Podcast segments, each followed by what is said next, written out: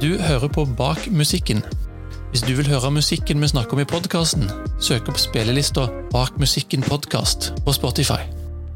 Og trykk gjerne på følg eller abonner i podkastspilleren din, så får du beskjed når vi legger ut nye episoder.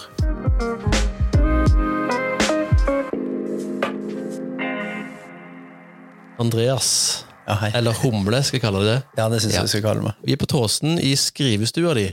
Ja, det her er en liten skrivestue jeg fikk etter at jeg ble far, så jeg har vært så privilegert at jeg, kan, jeg kunne sitte hjemme og jobbe frem til han ble født. Da var det litt vanskeligere å sitte hjemme og jobbe. Så jeg har vært så heldig å få den lille perla her da, oppe i tredje etasje. Eh, Da har jeg da skrivepulten min, jeg har gitarene mine, forsterkeren min, lydkortet mitt og eh, mitt lille midi-brett der borte. Alt jeg trenger for å lage popmusikk. Ja, hva, hva, Hvilken del av popmusikkproduksjonen bruker du skrivestua til? Nei, Tidligere så var jeg egentlig ganske mye flinkere til å lage skisser egentlig fra start til slutt i Logic. da, Hvor jeg egentlig la trommene, la gitaren, la vokalen, la eh, Spilte inn en demo, rett og slett. Ja. Eh, de siste åra har jeg ikke vært like flink til det. Kanskje fordi man ikke har hatt, hatt dette rommet, da. Eh, så det er jo kommet mer eh, med kassegitaren i studio og, og spilt opp låta. Men nå er jeg litt tilbake på det igjen. Å sitte og ha en mye tydeligere retning før jeg møter mine produsenter. Da. Og det, det har jeg savna. Det, det er godt å endelig ha et sted å kunne sitte og spille høy musikk og synge høyt uten å få dårlig samvittighet. Ja, Uten å vekke minsten. Minsten eller naboen. Ja, eller naboen. Ja, bra. Og her er det lyst og trivelig. Du ser ut på noen fine Tåsenhager, noen fine hus. Det Ja, må være fantastisk. inspirerende. Vet du hva, Det er helt sinnssykt inspirerende. Det er sånn, eh, det er jo så mange studioer her i byen, naturlig nok, som ligger liksom nede i gryta, eh, lukka inne i en lang, lang gang med veldig dårlig luft. Så du har jo vondt i hodet etter å ha sittet der i tre timer.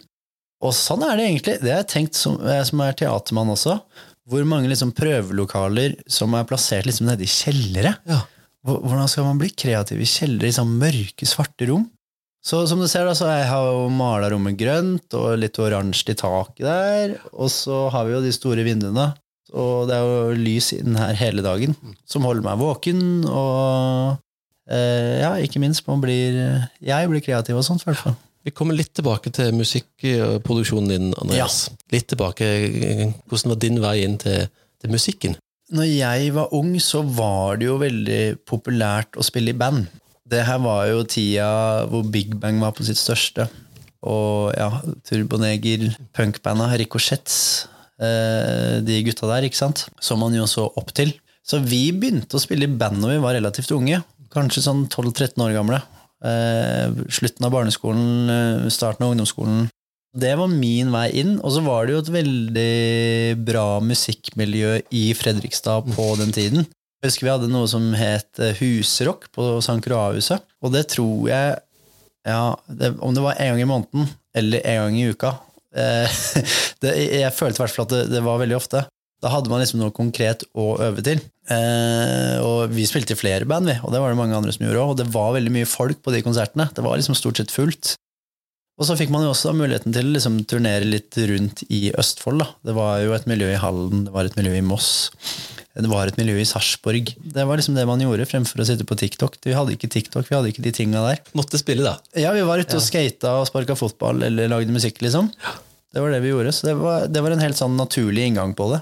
Det var in, det var mote Ja, å spille i band. Ja, ja, fantastisk. Er det et eller annet tidspunkt i ungdommen hvor du liksom bestemte deg for at dette skal jeg gjøre, eller var det en hobby ganske lenge? Eh, Det var en hobby ganske lenge. Det som var greia, var at jeg kretsa rundt ganske flinke folk som eh, Jeg var relativt gammel når jeg begynte å spille instru et instrument og skrive musikk selv. For det hadde ikke jeg noe selvtillit på. Jeg trodde at uh, man måtte ha opplevd liksom noe helt forferdelig, liksom vokst opp i sjukeste Bronx eller ha mista alle familien sin uh, osv. for å kunne ha liksom noe viktig å melde eller skrive om. For jeg hadde det stort sett fint, jeg. Men som sagt så var jeg jo rundt flinke folk som skrev og komponerte. Så jeg var liksom bare han der sangeren. Hvis du skjønner? Ja. Jeg fikk liksom låtene servert, og så skulle jeg stå for liksom det som skjedde i front her. da. For det var jeg flink til, følte jeg selv. da. da begynte jeg kanskje å blande det litt med teatret. på en måte. Så jeg hadde en veldig eh, dårlig selvtillit på det å skape. Helt til jeg begynte på Teaterhøgskolen i Verdalen. Eh, Og da er jo liksom tittelen 'Selvstendig skapende kunstner'. Og der har vi også veldig mye musikk. Da var det han musikklæreren der som så at jeg kanskje hadde et eller annet eh, talent, eller hva man enn skal kalle det, i hvert fall interesse for å skape musikk. da. Eh, Og da fikk jeg liksom mer og mer tillit i de tre åra jeg gikk der, da, til å skape. Så jeg var jo 24 da jeg var ferdig der, og da, det var først da jeg liksom begynte å skrive egen musikk. Så jeg har jo vært i det gamet lenge. Ja, nå er jeg jo 33, da. Men jeg er fortsatt ganske ung som liksom låtskriver og tekstforfatter og komponist, føler jeg. Det er ikke noe jeg begynte med da jeg var tolv. Når du skal jobbe med musikk, eller skrive musikk, eller lage musikk, kan du gjøre det når som helst, eller trenger du et, en trigger for å gjøre det, eller hvor kommer musikken fra? Jeg føler kanskje ikke at jeg jobber at jeg, jeg føler kanskje at jeg kunne jobba mye mer, men jeg tror man er påskrudd stort sett hele tiden, altså. Kjæresten min hun pleier å sammenligne meg med Husker du åh, eh, Fridtjof og de her humorgutta som eh, hadde den duoen på NRK, vet du. Og så var det helt stille. Hit for hit. Ja, riktig. Eh, han der ene som alltid går rundt med, mobil opp, med mobilen og tar opptak, liksom. Kjæresten min sier det er spot on. Så eh, i løpet av et døgn så eh, er det stor fare for at det havner en skisse eller to eller tre eller fire på mobilen min. Ja. Idet jeg går forbi piano eller sitter med Jeg sitter jo og spiller gitar hver dag, stort sett. Eller jeg går ut på gata og får en melodi. Så, så ja, jeg er vel påskrudd stort sett hele tiden. Men Betyr det at det er på en måte melodien som kommer først, eller? Ja, jeg er vel først og fremst en Eller jeg har alltid vært en melodiens mann. Det er jeg ganske sikker på. Men eh, de siste åra har ting begynt å komme litt sånn samtidig, egentlig. Men har, når du sitter og jobber Det er jo en muskel som skal trenes opp som alt mulig annet. ikke sant? Så når man har gjort det i så mange år, så, så er det liksom Teksten kan like så godt komme først. Det er, det det er ikke noe, noe enten-eller lenger. Men eh, det handler om å sette seg ned og fullføre ting. Da. Det er jo den store Du kan jo ha så mange ideer du bare vil inne på den telefonen, men eh, det er jo det å klare å fullføre det. Det er jo det vanskelige, på en måte. Å være strukturert. Det å få liksom opp en låt syns jeg ikke er så vanskelig, egentlig. Helt til du har liksom 20-30% igjen av låta. Da blir det tøft, da. Men det har jeg prøvd å bli litt flinkere på nå den siste tiden. Sånn det å gå og ha Selvfølgelig, jeg har fortsatt det også. Eh, låter i skuffen, liksom. Sånn 'Å, den må jeg fullføre en dag'.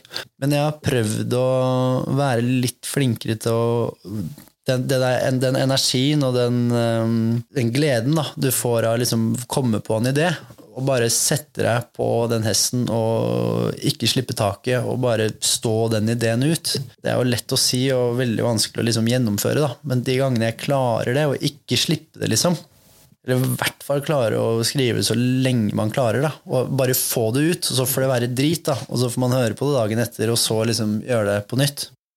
Jeg er utrolig impulsiv, så jeg blir nesten sånn, føler det nesten blir litt psykotisk. Eller blir utrolig revet med da, i det der øyeblikket hvor du føler, du føler at du lager noe genialt. ikke sant? Når, når er det kicket kom- Kommer det når du har spilt inn skissa, eller kommer det når du har skrevet ferdig melodien, eller funnet de kordene, den kordrekka der? Når kommer det store kicket? Jeg vil på mange måter si at det store kicket det får du flere ganger, egentlig. Eh, Men det dabber like fort. Det er jo først og fremst når en idé blir født. da. Eh, Det er jo et første kick. Det er jo mange dupper underveis. Men eh, så prøver du kanskje en ny innfallsvinkel, da. I, kanskje, du kanskje får på en trommebit, eksempel, og du føler åh, nå, nå dør jeg med den kassegitaren her, på en måte. Og så får du på trommene, og så var det et nytt kick. Sånn der, ok, ja, men det her svingte litt. Og så får du en ny dupp, og så får du på en synt, kanskje. Eh, så bare den skapelsesprosessen i seg sjæl Den kan jo være ganske tung, syns jeg, da.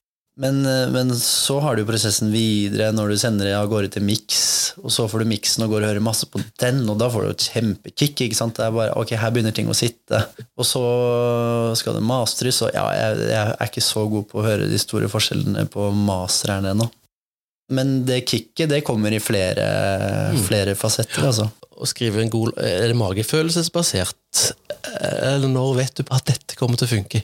Det er jo en grunn til at man velger ut Ok, denne låta vil jeg jobbe med. Hvis du har ti skisser for, foran deg, velger du den ene skissa, så er jo det magefølelsen som tar den avgjørelsen. Og det kan like så godt være at det er noe tekstlig du bare føler du må få ut, på en måte. Denne historien vil jeg fortelle. Eller det er det melodiske, da. Altså, jeg skrev en låt nå til den forrige appen min. Da, til, eh, det var en hyllest til en kompis som, som forlot oss for noen år siden. Og det er bare en sånn låt som lenge Jeg har bare visst at den låta må jeg, skal jeg skrive, på en måte. Men ikke helt turt. Men når jeg først bare tok valget sånn «Åh, Ok, vi, nå, nå fikk jeg Jeg satt her ute, og så hadde vi gått over den bestemte liksom, parken. Og da så jeg den liksom for meg, og, og da kom bare alle følelsene. Da kom backgammon vi satt og spilte det i gågata, kaffen vi satt og drakk der, og pilsen på sommeren på Verdensberg. Det var bare Skinnjakka hans, alle bildene bare kom. Det var så utrolig sterkt. Litt den nære nesten sånn manien jeg snakka om. Sånn, da, da måtte jeg bare Det er en klisjé, da, men bare inn, gripe tak i gassgitaren, og bare Så kom det bare. Eh, Du er ikke her etter den låta. Betyr sånne ting eks, er på en måte veldig sånn nær personlig historie? Er, gjenspeiler det noe av tekstuniverset ditt? Ja, Ja. det vil jeg i høyeste grad si. Vet du hva, jeg, sy jeg, vet du hva? jeg syns de, Det er jo de vanskeligste låtene å skrive, men samtidig eh, kanskje også de som, de som kommer lettest. Jo ærligere du tør å være, jo lettere er det på en eller annen måte å skrive låta, for da er det litt sånn utømmelig. Selv om det kan være ja, en ubehagelig prosess å stå i. Men så er det noe, det er noe godt ved det òg. Du vet de gangene hvor du bare har skikkelig lyst til å gråte. Du har hatt lyst til å gråte lenge og bare sitter her, og så bare slipper du ut all gørra, og det er så godt etterpå. Og det gjør du gjennom tekstene dine, tenker du? Ja, jeg, jeg syns jo det kan være pompøst å si, da, men noen, noen ganger ja. Det er jo en form for terapi, da. Det er jo det. Du har jo de låtene du klarer å skrive på en halvtime, men det skjer jo en sjelden gang, og det er jo også en fantastisk følelse.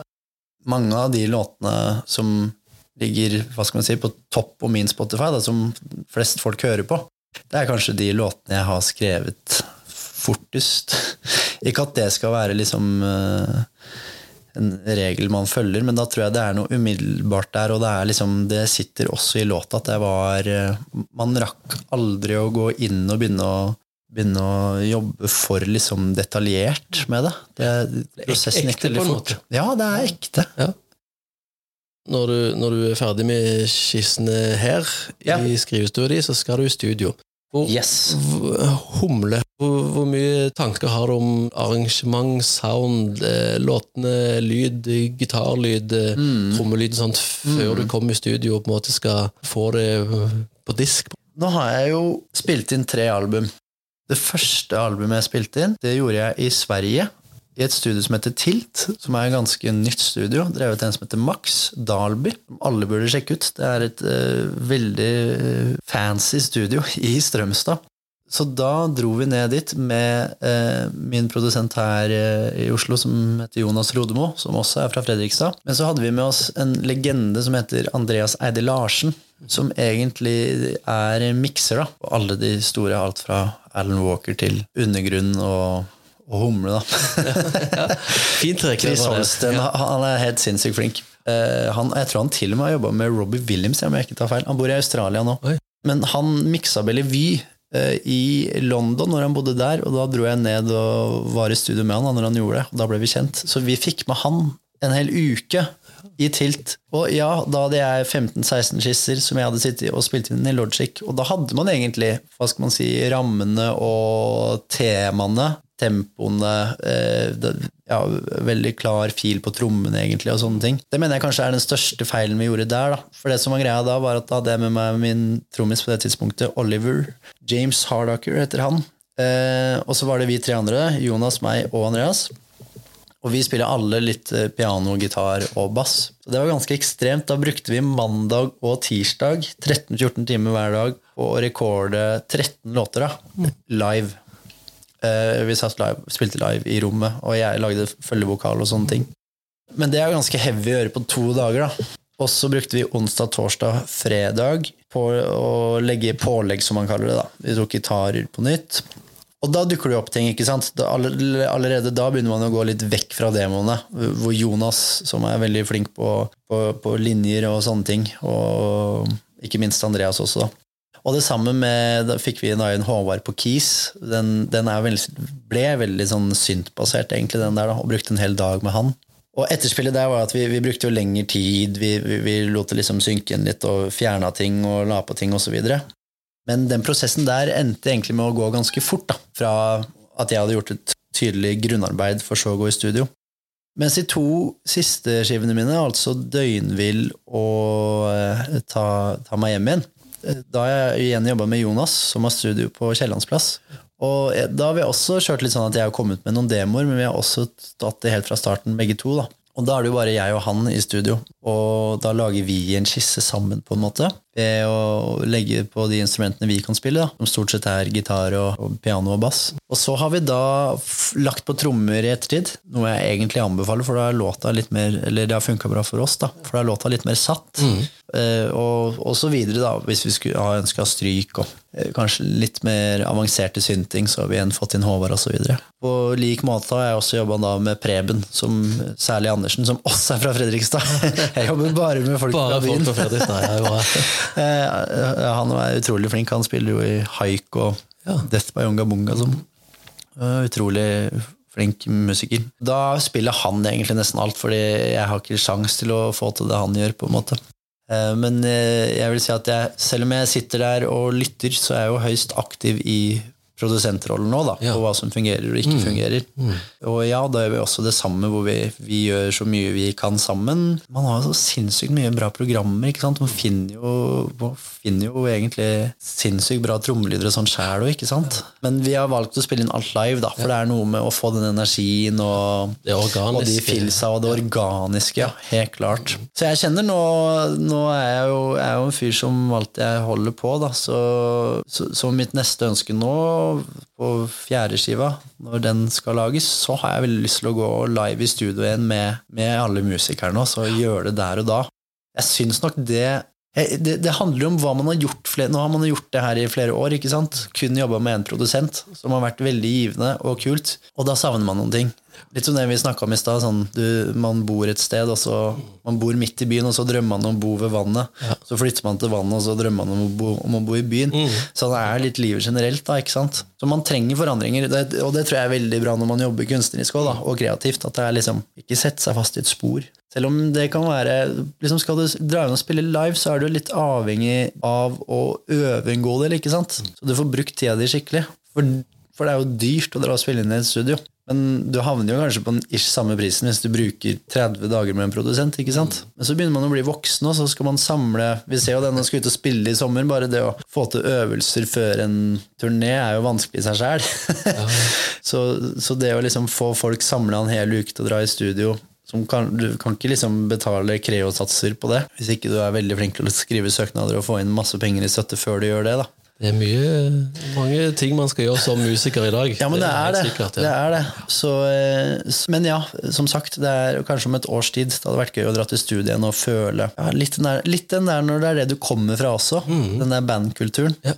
Det å liksom, jeg har vært noen ganger i Atletic i Halden, blant annet. Det er et fantastisk kult studio. Det å sitte der med alle, med hele gjengen, og du, det er jo et fantastisk rom òg, da. Det låter veldig bra, men det å liksom ha det ene taket hvor alle er sånn 'Fader, dette er satt', liksom. Jeg syns dette var smooth. Det, det, er, det, er, noe magi i det, altså. Mm. Det er det, helt ja. klart. Er, er, du en strateg når det gjelder merkevarebygging, kjennskap, du skal selge deg sjøl for å få musikken din ut? Har du bevisst forhold til det på et eller annet vis? Både ja og nei. Jeg er nok ganske dårlig på det. Jeg, jeg synes jo det, det, er utrolig vanskelig og kleint. Og, og jeg, jeg er jo dårlig på sosiale medier og har alltid vært det. Nå skriver jo ikke jeg hitmusikk heller, da. Det gjør jeg ikke. Jeg må jo ikke ligge på TikTok daglig og mate de greiene der det, og det er ikke derfor jeg driver med det her heller. Men du er ute og spiller en del, da? Eller, det, ja, ja jeg, driver, jeg, driver old school ja. eh, merkevarebygging. Det, det, er det jeg gjør. Det er der du skal bygge publikummet ditt. Ja, det er det altså. Fortell om Det å spille live. Nei, det er vel kanskje det jeg syns er aller morsomst. Ja, det er gøy å skape, men det er vel det som alltid har trigga meg med det her. Sånn som jeg sa i stad, jeg starta med å være han som bare sang. Og det handler om at det som skjer i et rom med de som er der, det er helt unikt. Og det skjer bare her og nå. Og så skjer ikke det igjen. Litt den derre Du glemmer alt. Du bare er til stede her og nå i det øyeblikket. Det skjer med meg når jeg opptrer foran folk, da. Uavhengig om det er 1000 folk i publikum eller fem stykk. Og alt kan skje. liksom Samtale med publikum. Får du til en samtale med publikum ganske tidlig i et mindre lo lokale, Åh, det er noe av det beste jeg veit. Okay. Det kunne jeg faen meg gjort daglig. Så du, du, det, det gir deg enda mer det enn å stå på en festivalscene med fullt band og, Helt klart. og folk er litt sånn fjernt. Helt klart. Ja. Det er jo litt sånn, Med Humle så har man jo Vi har absolutt hatt store sånn warm-ups-gigs og sånn der òg. Og ja, varma opp for gylne tider, og da var det jo flere tusen til stede. Og CC Cowboys på Rockefeller og sånn. Men jeg, har jo, jeg kan jo ikke sammenligne med Humle en eh, fullsatt Rockefeller alene. Så jeg, det kan jeg jo ikke si. Men jeg spiller jo dette partyband Åges danseband, og da spiller vi jo veldig ofte for store ansamlinger. da bare tuter og går av seg sjæl, liksom. Og det er jo veldig gøy, det òg. Absolutt. Og man får jo mer den der Messias-stemningen, liksom. Sånn 'jeg kan gjøre hva jeg vil Ja. med dere'. De hopper når du sier hopp, og danser når du sier dans. Ikke sant? Det er akkurat det de gjør. Og på en måte, det kunne jeg aldri gjort med Humleprosjektet, for det hadde bare blitt rart, syns jeg. Men det prosjektet kler jo et stort format, det også. Men personlig, som sagt, så, så, så trigges jeg veldig av det mindre formatet, fordi hver kveld blir lik. Og fordi jeg er glad i å møte mennesker. da. Det har alltid vært. Glad i å møte nye folk, og også høre deres, høre deres historier. da. Hva har du lyst til at de som hører Humle, eller deg på scenen alene eller med band, hva skal sitte igjen med? Nei, det er vel egentlig at det er gjenkjennbart på et eller annet punkt, da. Det aller fineste jeg vet, er eh, de få gangene man møter folk som trekker frem en av de låtene Du slapp et album, fire singler, og så er det de seks andre låtene bare forsvinner. Det, er jo ikke helt sant, fordi det er jo noen som også hører på de. Og de gangene det kommer bort folk som um, poengterer det, da. En låt som heter Ikke gi meg opp, for eksempel. Det kommer en fyr bort bare Det er en helt fantastisk låt, og den har fulgt meg så og så mange år. Jeg kunne hørt det én gang, men det betyr 100 ganger mer å få den kommentaren enn han som ah, Bellevue, fader, Ja, ja. hører på hver sommer.